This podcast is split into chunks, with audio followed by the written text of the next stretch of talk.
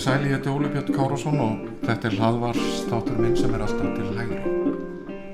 Mér finnst alltaf ágætt að halda hlutum til hæga og rifja aðeins upp það sem gæst hefur, ekki síst á sviði stjórnmála.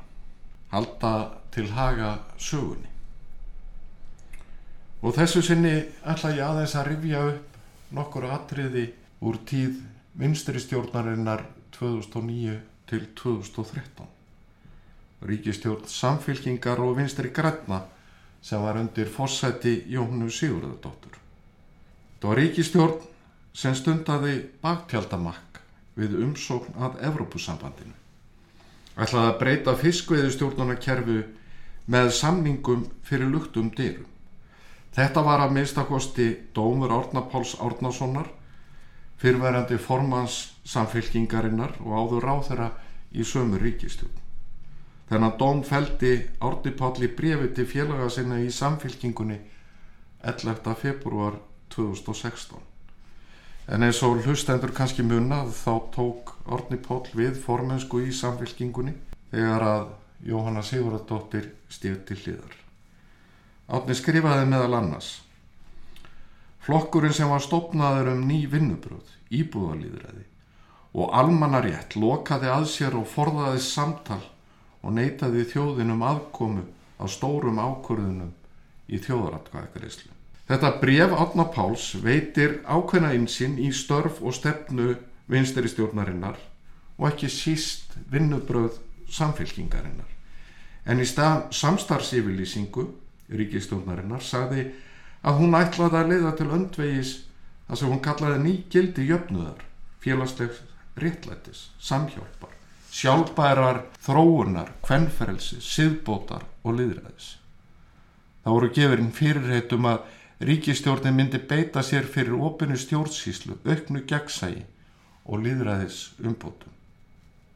Þegar litið er tilbaka verður með engumóti hægt að halda því fram að ríkistjótu samfylkingarinnar hafi verið mjög upptökin við að vinna að hinnum nýju gildum í stjórnsíslu sinni. Viðbröður ráþeira, til dæmis við niðurstöðum domstól og kærunemda, voru það minnstakost ekki í takt við hástemdar yfirlýsingar. Baktjaldamakk og fundir fyrir luktum dýrum voru ekki aðeins í Evrópumálum eða í mísöfnuðum tilraunum til að kottvarpa fiskveiðistjórnunarkerfinu sem össur skarpiðin sem líkti síðar við járbröytaslýs.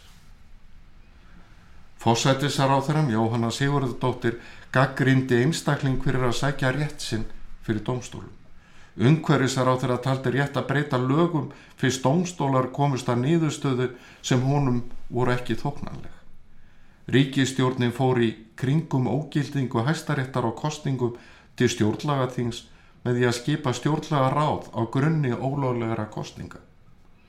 Og þegar að fósættisar á þeirra sem jafnframt á ráð þeirra jafnbrettismála var talin hafa broti lögum jafna rétt kynjana var slíkt hunsað og sagt að faglega hafi verið staðið að verki.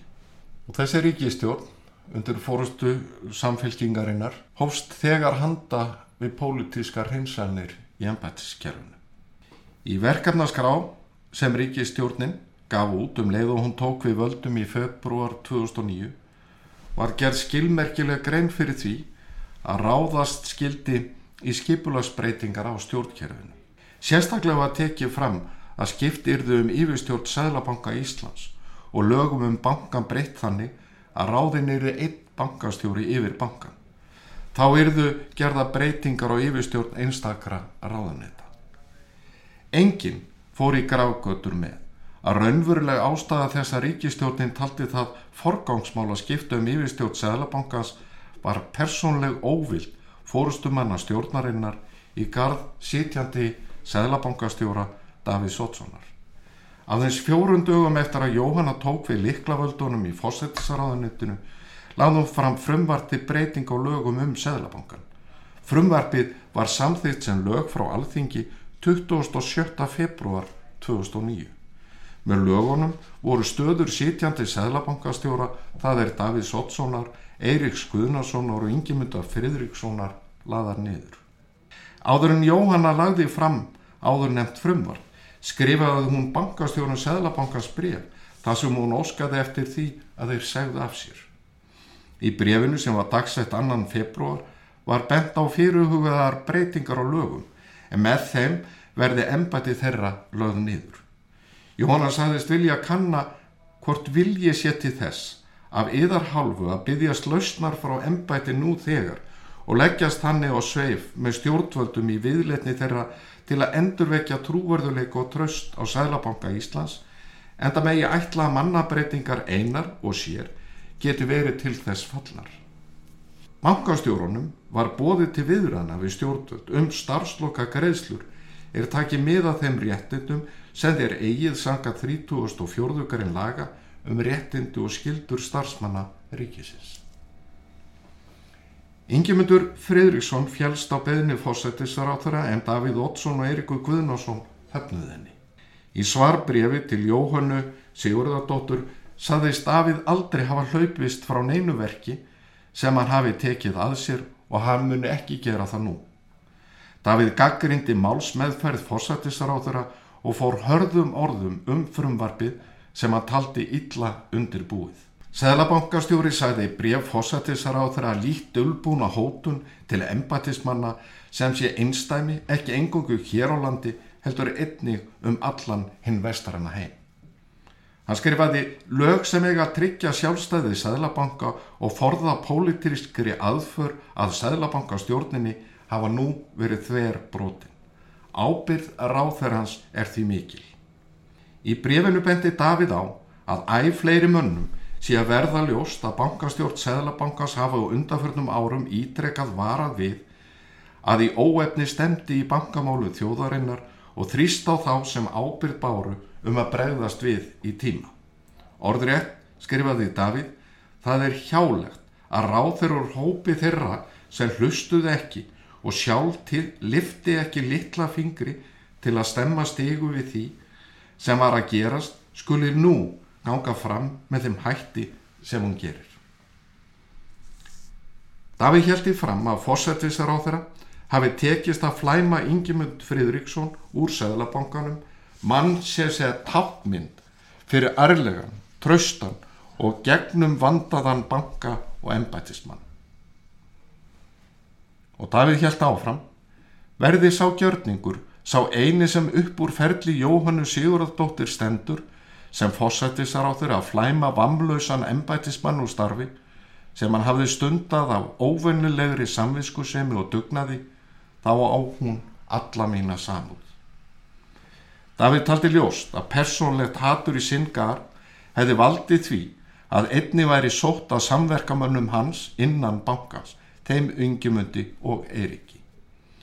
Heift út í gamlan pólitíska anstæðinga sem einhverju finnst þeir eiga óeppgerðar sakir við má ekki blinda fólk svo að það get ekki séð einni mikilvægustu stopnum landsins borgið með því að hafa laga umgjörðinu um hana vandaða og unna í sæmilegri sátt, jæmt innan þings sem utan.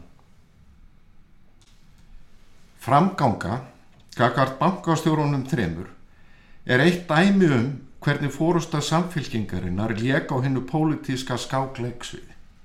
Hún gaf óhyggað út yfirlýsingar, glemdi þeim og gekk síðan fram í valdastöðu þvert á eigin orð.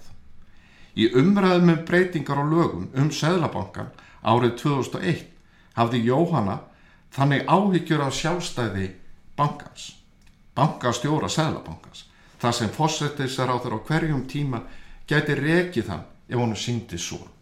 Orðurétt sagði Jóhanna 2001 Þetta getur varla þýtt annað á meldu máli en að ef bankastjórin fer ekki einu öllu eftir því sem fósettisar á þeirra segir eigi hann á hættu að vera látin fjúka.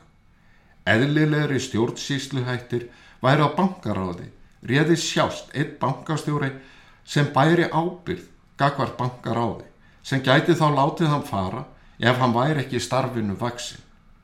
Frekar en að hann sé háður duttlungum og gethóta ákverðunum ráþeira á hverjum tíma. Allagan að bankastjórunum olli gremju meðal starfsmanna Sæðlabankans. Hallgrimur Ólafsson formaður starfsmannafélagsbankans skrifaði grein í morgumblaðið 4. februar þar sem hann held í fram að fréttaflutningur hafi verið á eitt veg og eineltið bendist fyrst og fremst að Davíð Ótsinni. En engin rifju upp hver bendi fyrstur manna á gengdarlösa græðki sjálfstökumanna á ofurlaunum, hver bend á hættuna og samþjöppun valds og eignarhalds auðmanna og ringa eða hver bendi einna fyrstur á falska viðskiptavild meðal stórra skráðra fyrirtækja. Það tók nokkuð lengri tíma að afgreða laga breytingarnar sem ríkistjórnin stendi að um Sæðlabankan.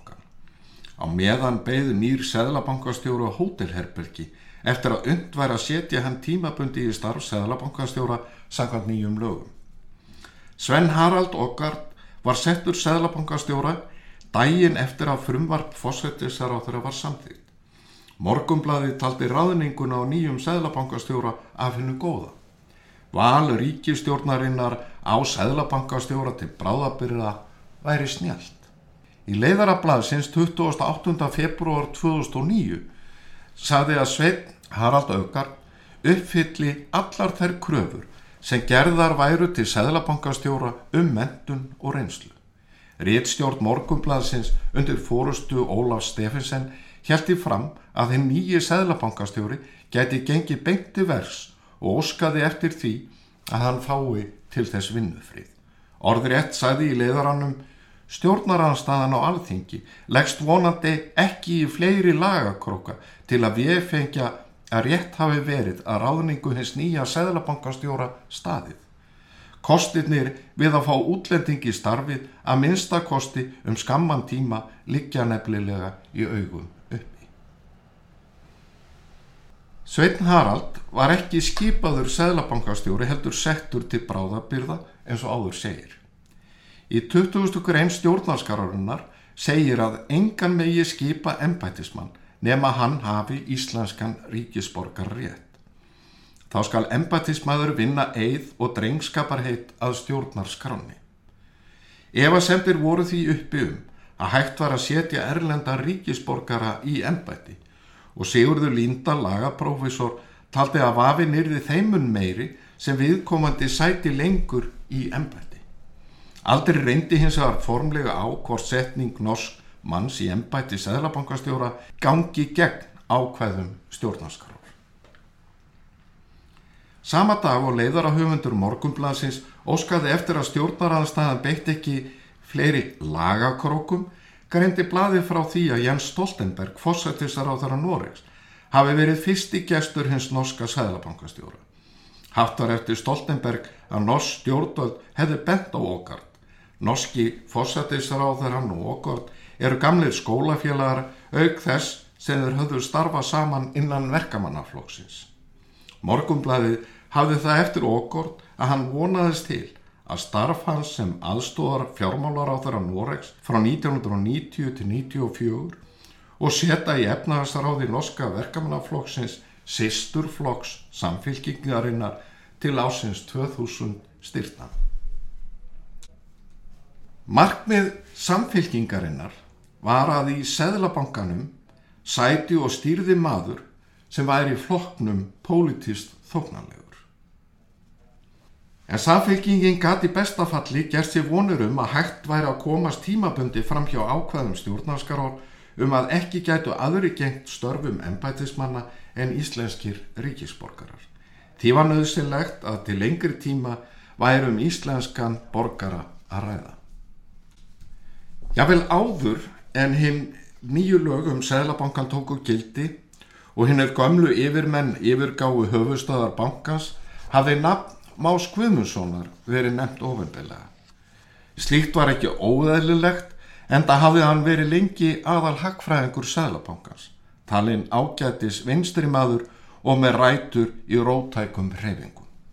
Már var á þessum tíma aðstóðar Frankværtastjóri pening og hagfræðisviðs alþjóða Greislbankans. Í samtali við viðskiptablaði 10. februar 2009 saði Mára að það myndi hafa áhrif á afstöðu hans til ennbætti Sæðlabankastjóra hversu breið sátt honum síndist að geti skapast um Sæðlabankan í framhaldinu. Einni muni persónlegir hægir hans og tímasetningar skipta máli. Blaðamaður viðskiptablaðsins spurði Má hvort stjórnvöld hafi haft samband við hann og nefnt það við hann að sagt um stöðuna og svari var stutt nei. En auðvitað var það óskikja af hálfu Más að ætla að breið sátt næðist um Sæðlabankan eftir allt sem á undan var gengið.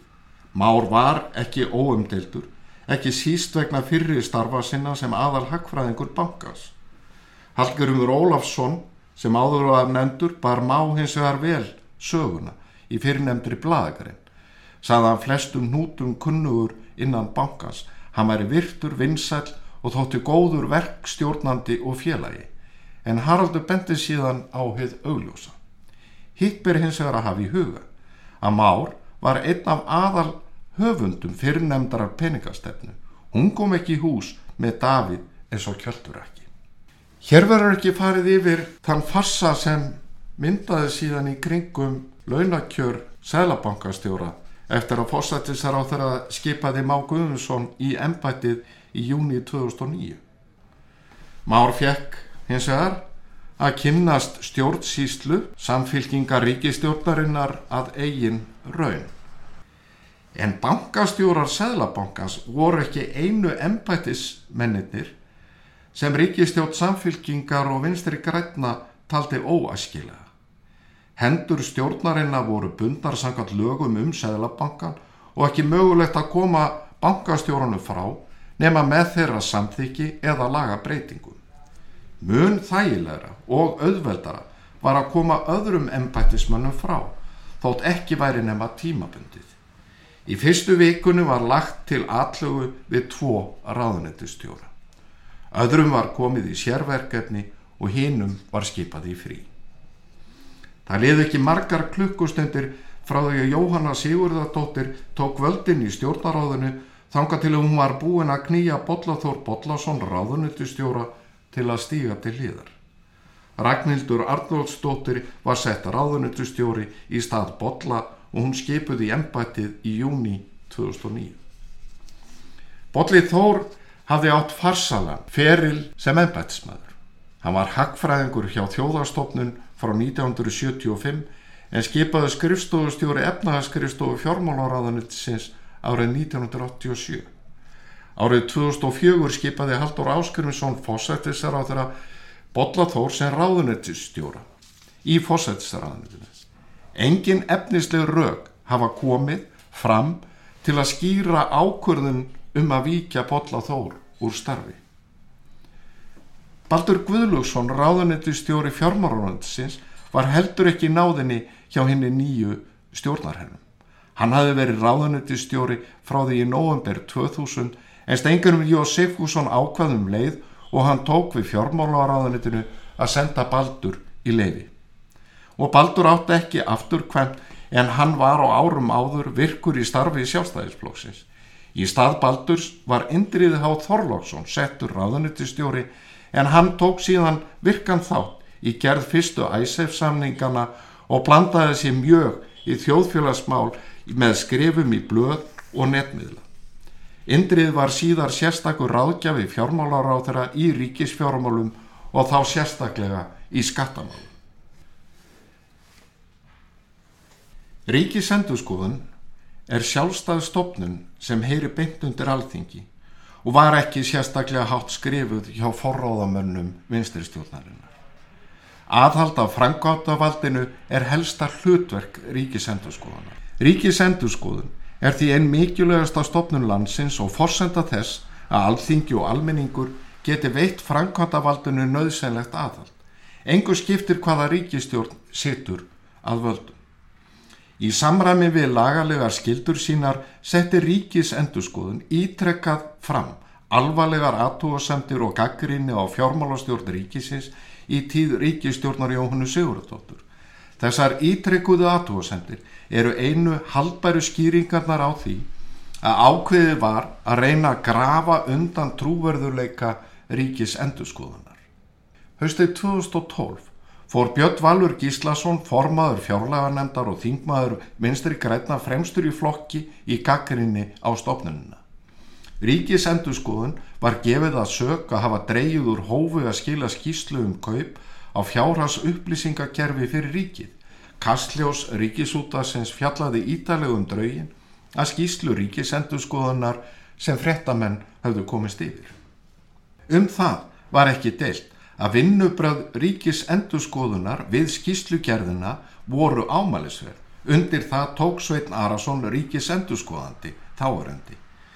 Það merkilega við harða gaggrinni formans fjárlaganemdar var að hann hafði í þrjú ár haft vittnesku um að draug að skýslunni væru tilbúin. Björn Valur gerði ekkert til að fylgja málinu eftir fyrir að ganga þurfti frá fjárökalögum ársins og fjárlögum komandi árs. Hann lísti því yfir að fullkomin trúnaðabrestur væri gagvart ríkis endurskoðanda. Að frumkvæði Björns Vals ákvað meiri hluti fjárlaganemdar að óska ekki eftir umsögn ríkis endurskoðunar á fjárauka lögum. Skýring formans fjárlaganendar stennst hins vegar illa skoðun. Vansið er hvernig meirulhutti fjárlaganendar gatt komist að þeirri niðurstöðu fyrir hönd alþingis að trúnaðabrestur væri fyrir hendi. Ástæður meirulhuttans voru aðrar. Það var verið að beina artiklinni frá fjárauka lögum og fjárlögum. Um leið var hafinn undurbúningur að því að draga brottin úr þeim aðfyrslum sem forráðamenn ríkistjórnar óttuðust að ríkis endurskoðun setti fram við stjórn ríkis fjármála.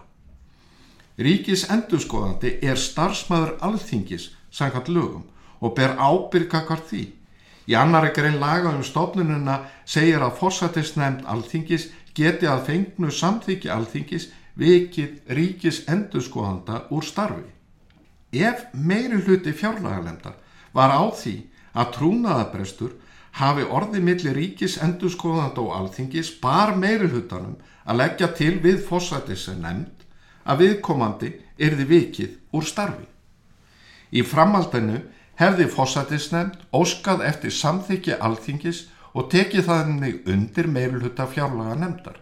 Slík tillega kom heimsaðar aldrei fram og því er ekki hægt að draga aðra álugtur en þá að um pólitískan leikaraskap hafi verið að ræða við afgryslu fjárugalaga og fjárlaga og tilraun til að grafa almennt undan trúverðuleika mikilvægurar stofnunar. Guðmundur Bjarnarsson leta störmum sem fórstjóri Íbúðalónasjóðs í lok júni 2010.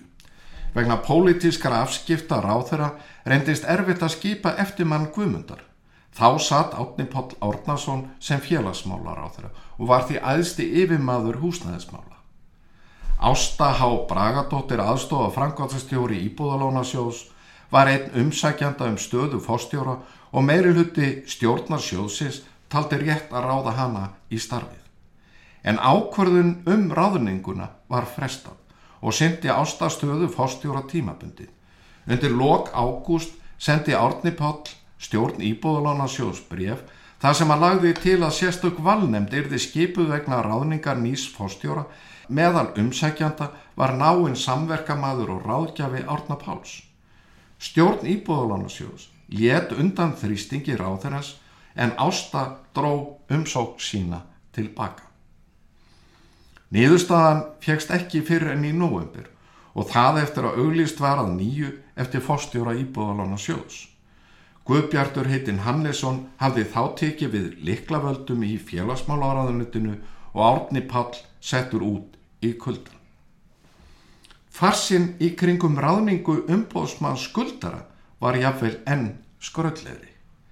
Ríkistjórnin ákvað að koma á fót ennbætti umbóðsmann skuldara. Í lok júni 2010 var ennbættið auglist og sóttu nýju um starfið. Niðurstaðan var svo að ráða Runál Ágússon, diggan félagi í samfylkingunni í ennbættið. Fjölnilar og þá sérstaklega DFF fjölluðu ítalega um fjármál Runáls og þáttuku hans í viðskiptalífinu. Skipan Runáls var harlega gaggrind og margir töldu það vafasamt að hann hefði hæfi til að gegna ennbætti umbóðsmanns skuldara.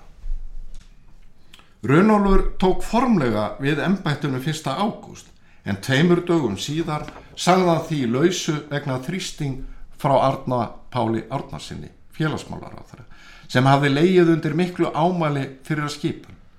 Í kastljósi saði Runólfur að umbásmaður skuldara gæti ekki sint starfi sínu á þess að hafa diggan stuðningar á þennast.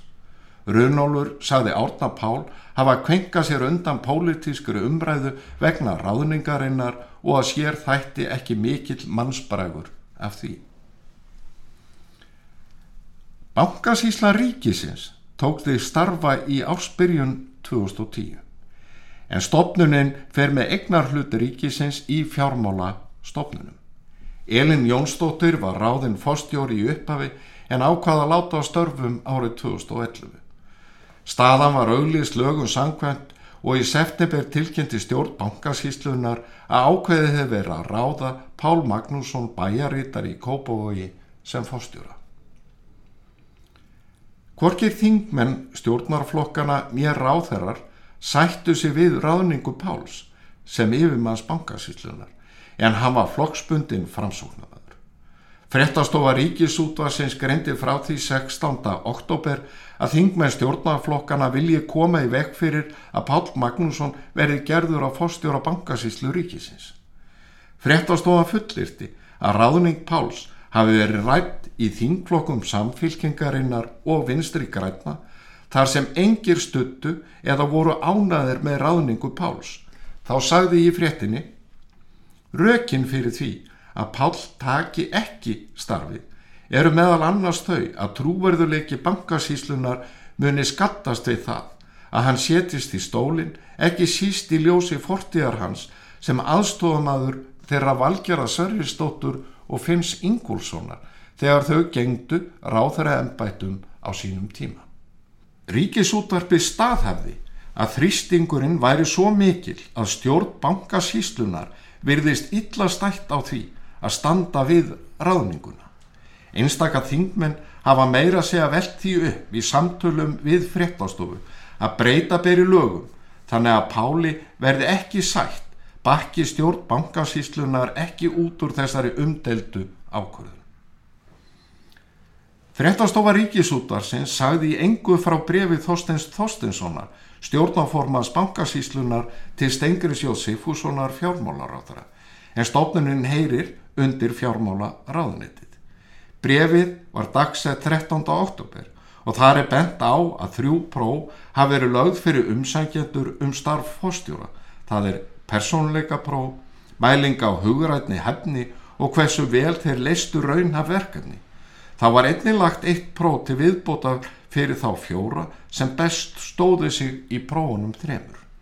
Niðurstaðan var svo að Pál Magnússon var metin hæfastur og sangant því ráðinn fórstjóri. Að auki var litið til mentunar, starfsareynslu og afar góðra meðmæla. Af þessu má ljóst vera að stjórn bankasíslunar beitti huglægu mati við ráðningu Páls. Allt í fullkonu samræmi við yfirlýsingar fórustumanna ríkistjórnarinnar um að koma skildi í vekk fyrir pólitiska ráðningar en láta faglegt mat ráða. Þorstein Þorsteinsson bendi á í áðurnendi brefi að ráðningaferlið hafi verið afar vandað og faglegt og stöðst hafi verið við viðukjandar matsaðferðir og mælingar. Og orðurétt skrifar Þorstein eftir að mat hafi verið lagt á hæfiskröfur sangat auglýsingu og þær viðbótakröfur sem stjórn bankasíslunar gerði til umsækjanda var svo ákvörðun tekin að bjóða Páli Magnúsin í starf fórstjóra bankasíslu ríkisins. Byggði ákvörðunin á hlutlægum og málefnarlegum sjónamiðum og að teknu tillit til eiginleika Páls að gegna starfinu. Telur stjórn bankasíslu ríkisins engum vafa undirorpið að Pál Magnússon hafi uppfyllt laga sem og aðrar hæfiskuröfur sem gerðar voru og verið hæfastur umsækjanda um starfið. Helgi Hjörvar, þáverandi formaður viðskipt og efnahagsnefndar alþingis, gekk sérstaklega hart fram í gaggrinni á Pál Magnússon og ráðningu hans. Þingmaðurum fullirti að ráðningin væri neyksli og bankasíslan væri rúin trösti. Helgi taldi nöðsynlegt að fjármálar á þeirra grepi til ráðstafana vegna þessa. Björn Valur Gíslason í fjárlaganemnd kallaði ráðninguna ruggl í pisli á blokksíðu sinni. Hinn pólitíska atlaga að bankasíslunni stjórn hennar og nýjum fórstjóra hefnaðist. Stjórn bankasíslunar sagði af sér og í tilkynningu 24. oktober 2011 sem undirritu var af stjórn sagði að vegið hafi verið að trúverðuleika bankasíslunar og friður rofin um starfsemi hennar. Og þar sagði orður rétt, viðbröð alþingismanna benda til þess að erfitt verði fyrir stofnununa að starfa með eðlilegum hætti að þeim mikilvægu og vandasömu verkefnum sem henni er ætlað að sinna og framundan eru. Stjórnamenn töldu að afskipti utanakomandi afla gera hennu ókleift að starfa áfram á þeim faglega grundvelli sem stjórnin tilur nöðsynlegt. Aðeglisvert er að fara yfir frettaflutning af ráðningu Páls Magnússonar og viðbröðum stjórnar þingmanna. Óhætt er að fullir það að ef þingmaður framsóknarflokksins hefði staðið upp á þingi og gaggrind harðlega ráðningu fórstuðumans í ríkistofnun hefðu fjölmiðlar tekið við sér og fjallaðu um málið með öðrum hætti en gert var.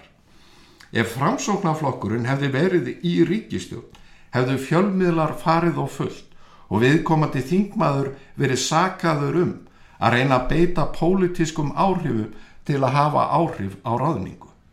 Nú væri komin fram enn einn sönnun þess að framsóknar menn beiti öllum ráðum til að tryggja aðeins þeir sem eru þoknalegir í augum flokksins fái feitu bitana. Brynjar Níelsson, nú þingmaður sjálfstæðisflokksins en þá starfandi hæstaréttalögmaður, gerði frettaflutning ríkisútvarsins 16. oktober að umtalsvefni í pisli á pressunu daginn eftir. Fjölmiðlar segist alltaf vera að berjast fyrir bættu siðferði í stjórnmálum, skrifar Brynjar og segir orður ett, einhvern tíma þóttu pólitíska hreinsanir að þessu tægi ber á vottum ofstæki og siðferði sem ekki væri til eftirbreytni. Eins og svo oft áður standa fjölmiðlar sig ekki í stikkinu. Það sem var fréttnæmt í málinu er að stjórnmálamenn skeita korki um skömmni heiður og djöblast áfram í krafti valdsins. Yfir því ættu fjölmiðlamenn og almenningur að nexlast. Fréttamenn ættu að velta fyrir sér af hverju það gerist í líðræðisriki í stað þess að endurvarpa gaggrínislaust öllu því líðskurumi sem engjannir stjórnmólinn á Íslandi. Afskipti af ráðningu fórstur og bankasíslunar eru langt frá því að vera eina dæmið um hvernig forráðamennur ríkistjórnanar beittu afli og áhrifum á störfstofnunar eða fulltrúa hennar. Nokkur mánuðum áður hafi verið komið í vekk fyrir að fulltrúi bankasíslunar í stjórn Arjónbanka er þið skipaður að nýju í stjórn bankans. Hér eru rækinn nokkur dæmi af fjölmörgum um hvernig stjórnsísla undir fórustu samfélkingarinnar var árunum 2009 til 2013. Það er ágætt fyrir kjósendur að hafa söguna í huga nú þegar að nær drefur kostningum. En ég þakka þeim sem hlýttu eigi góða stundur.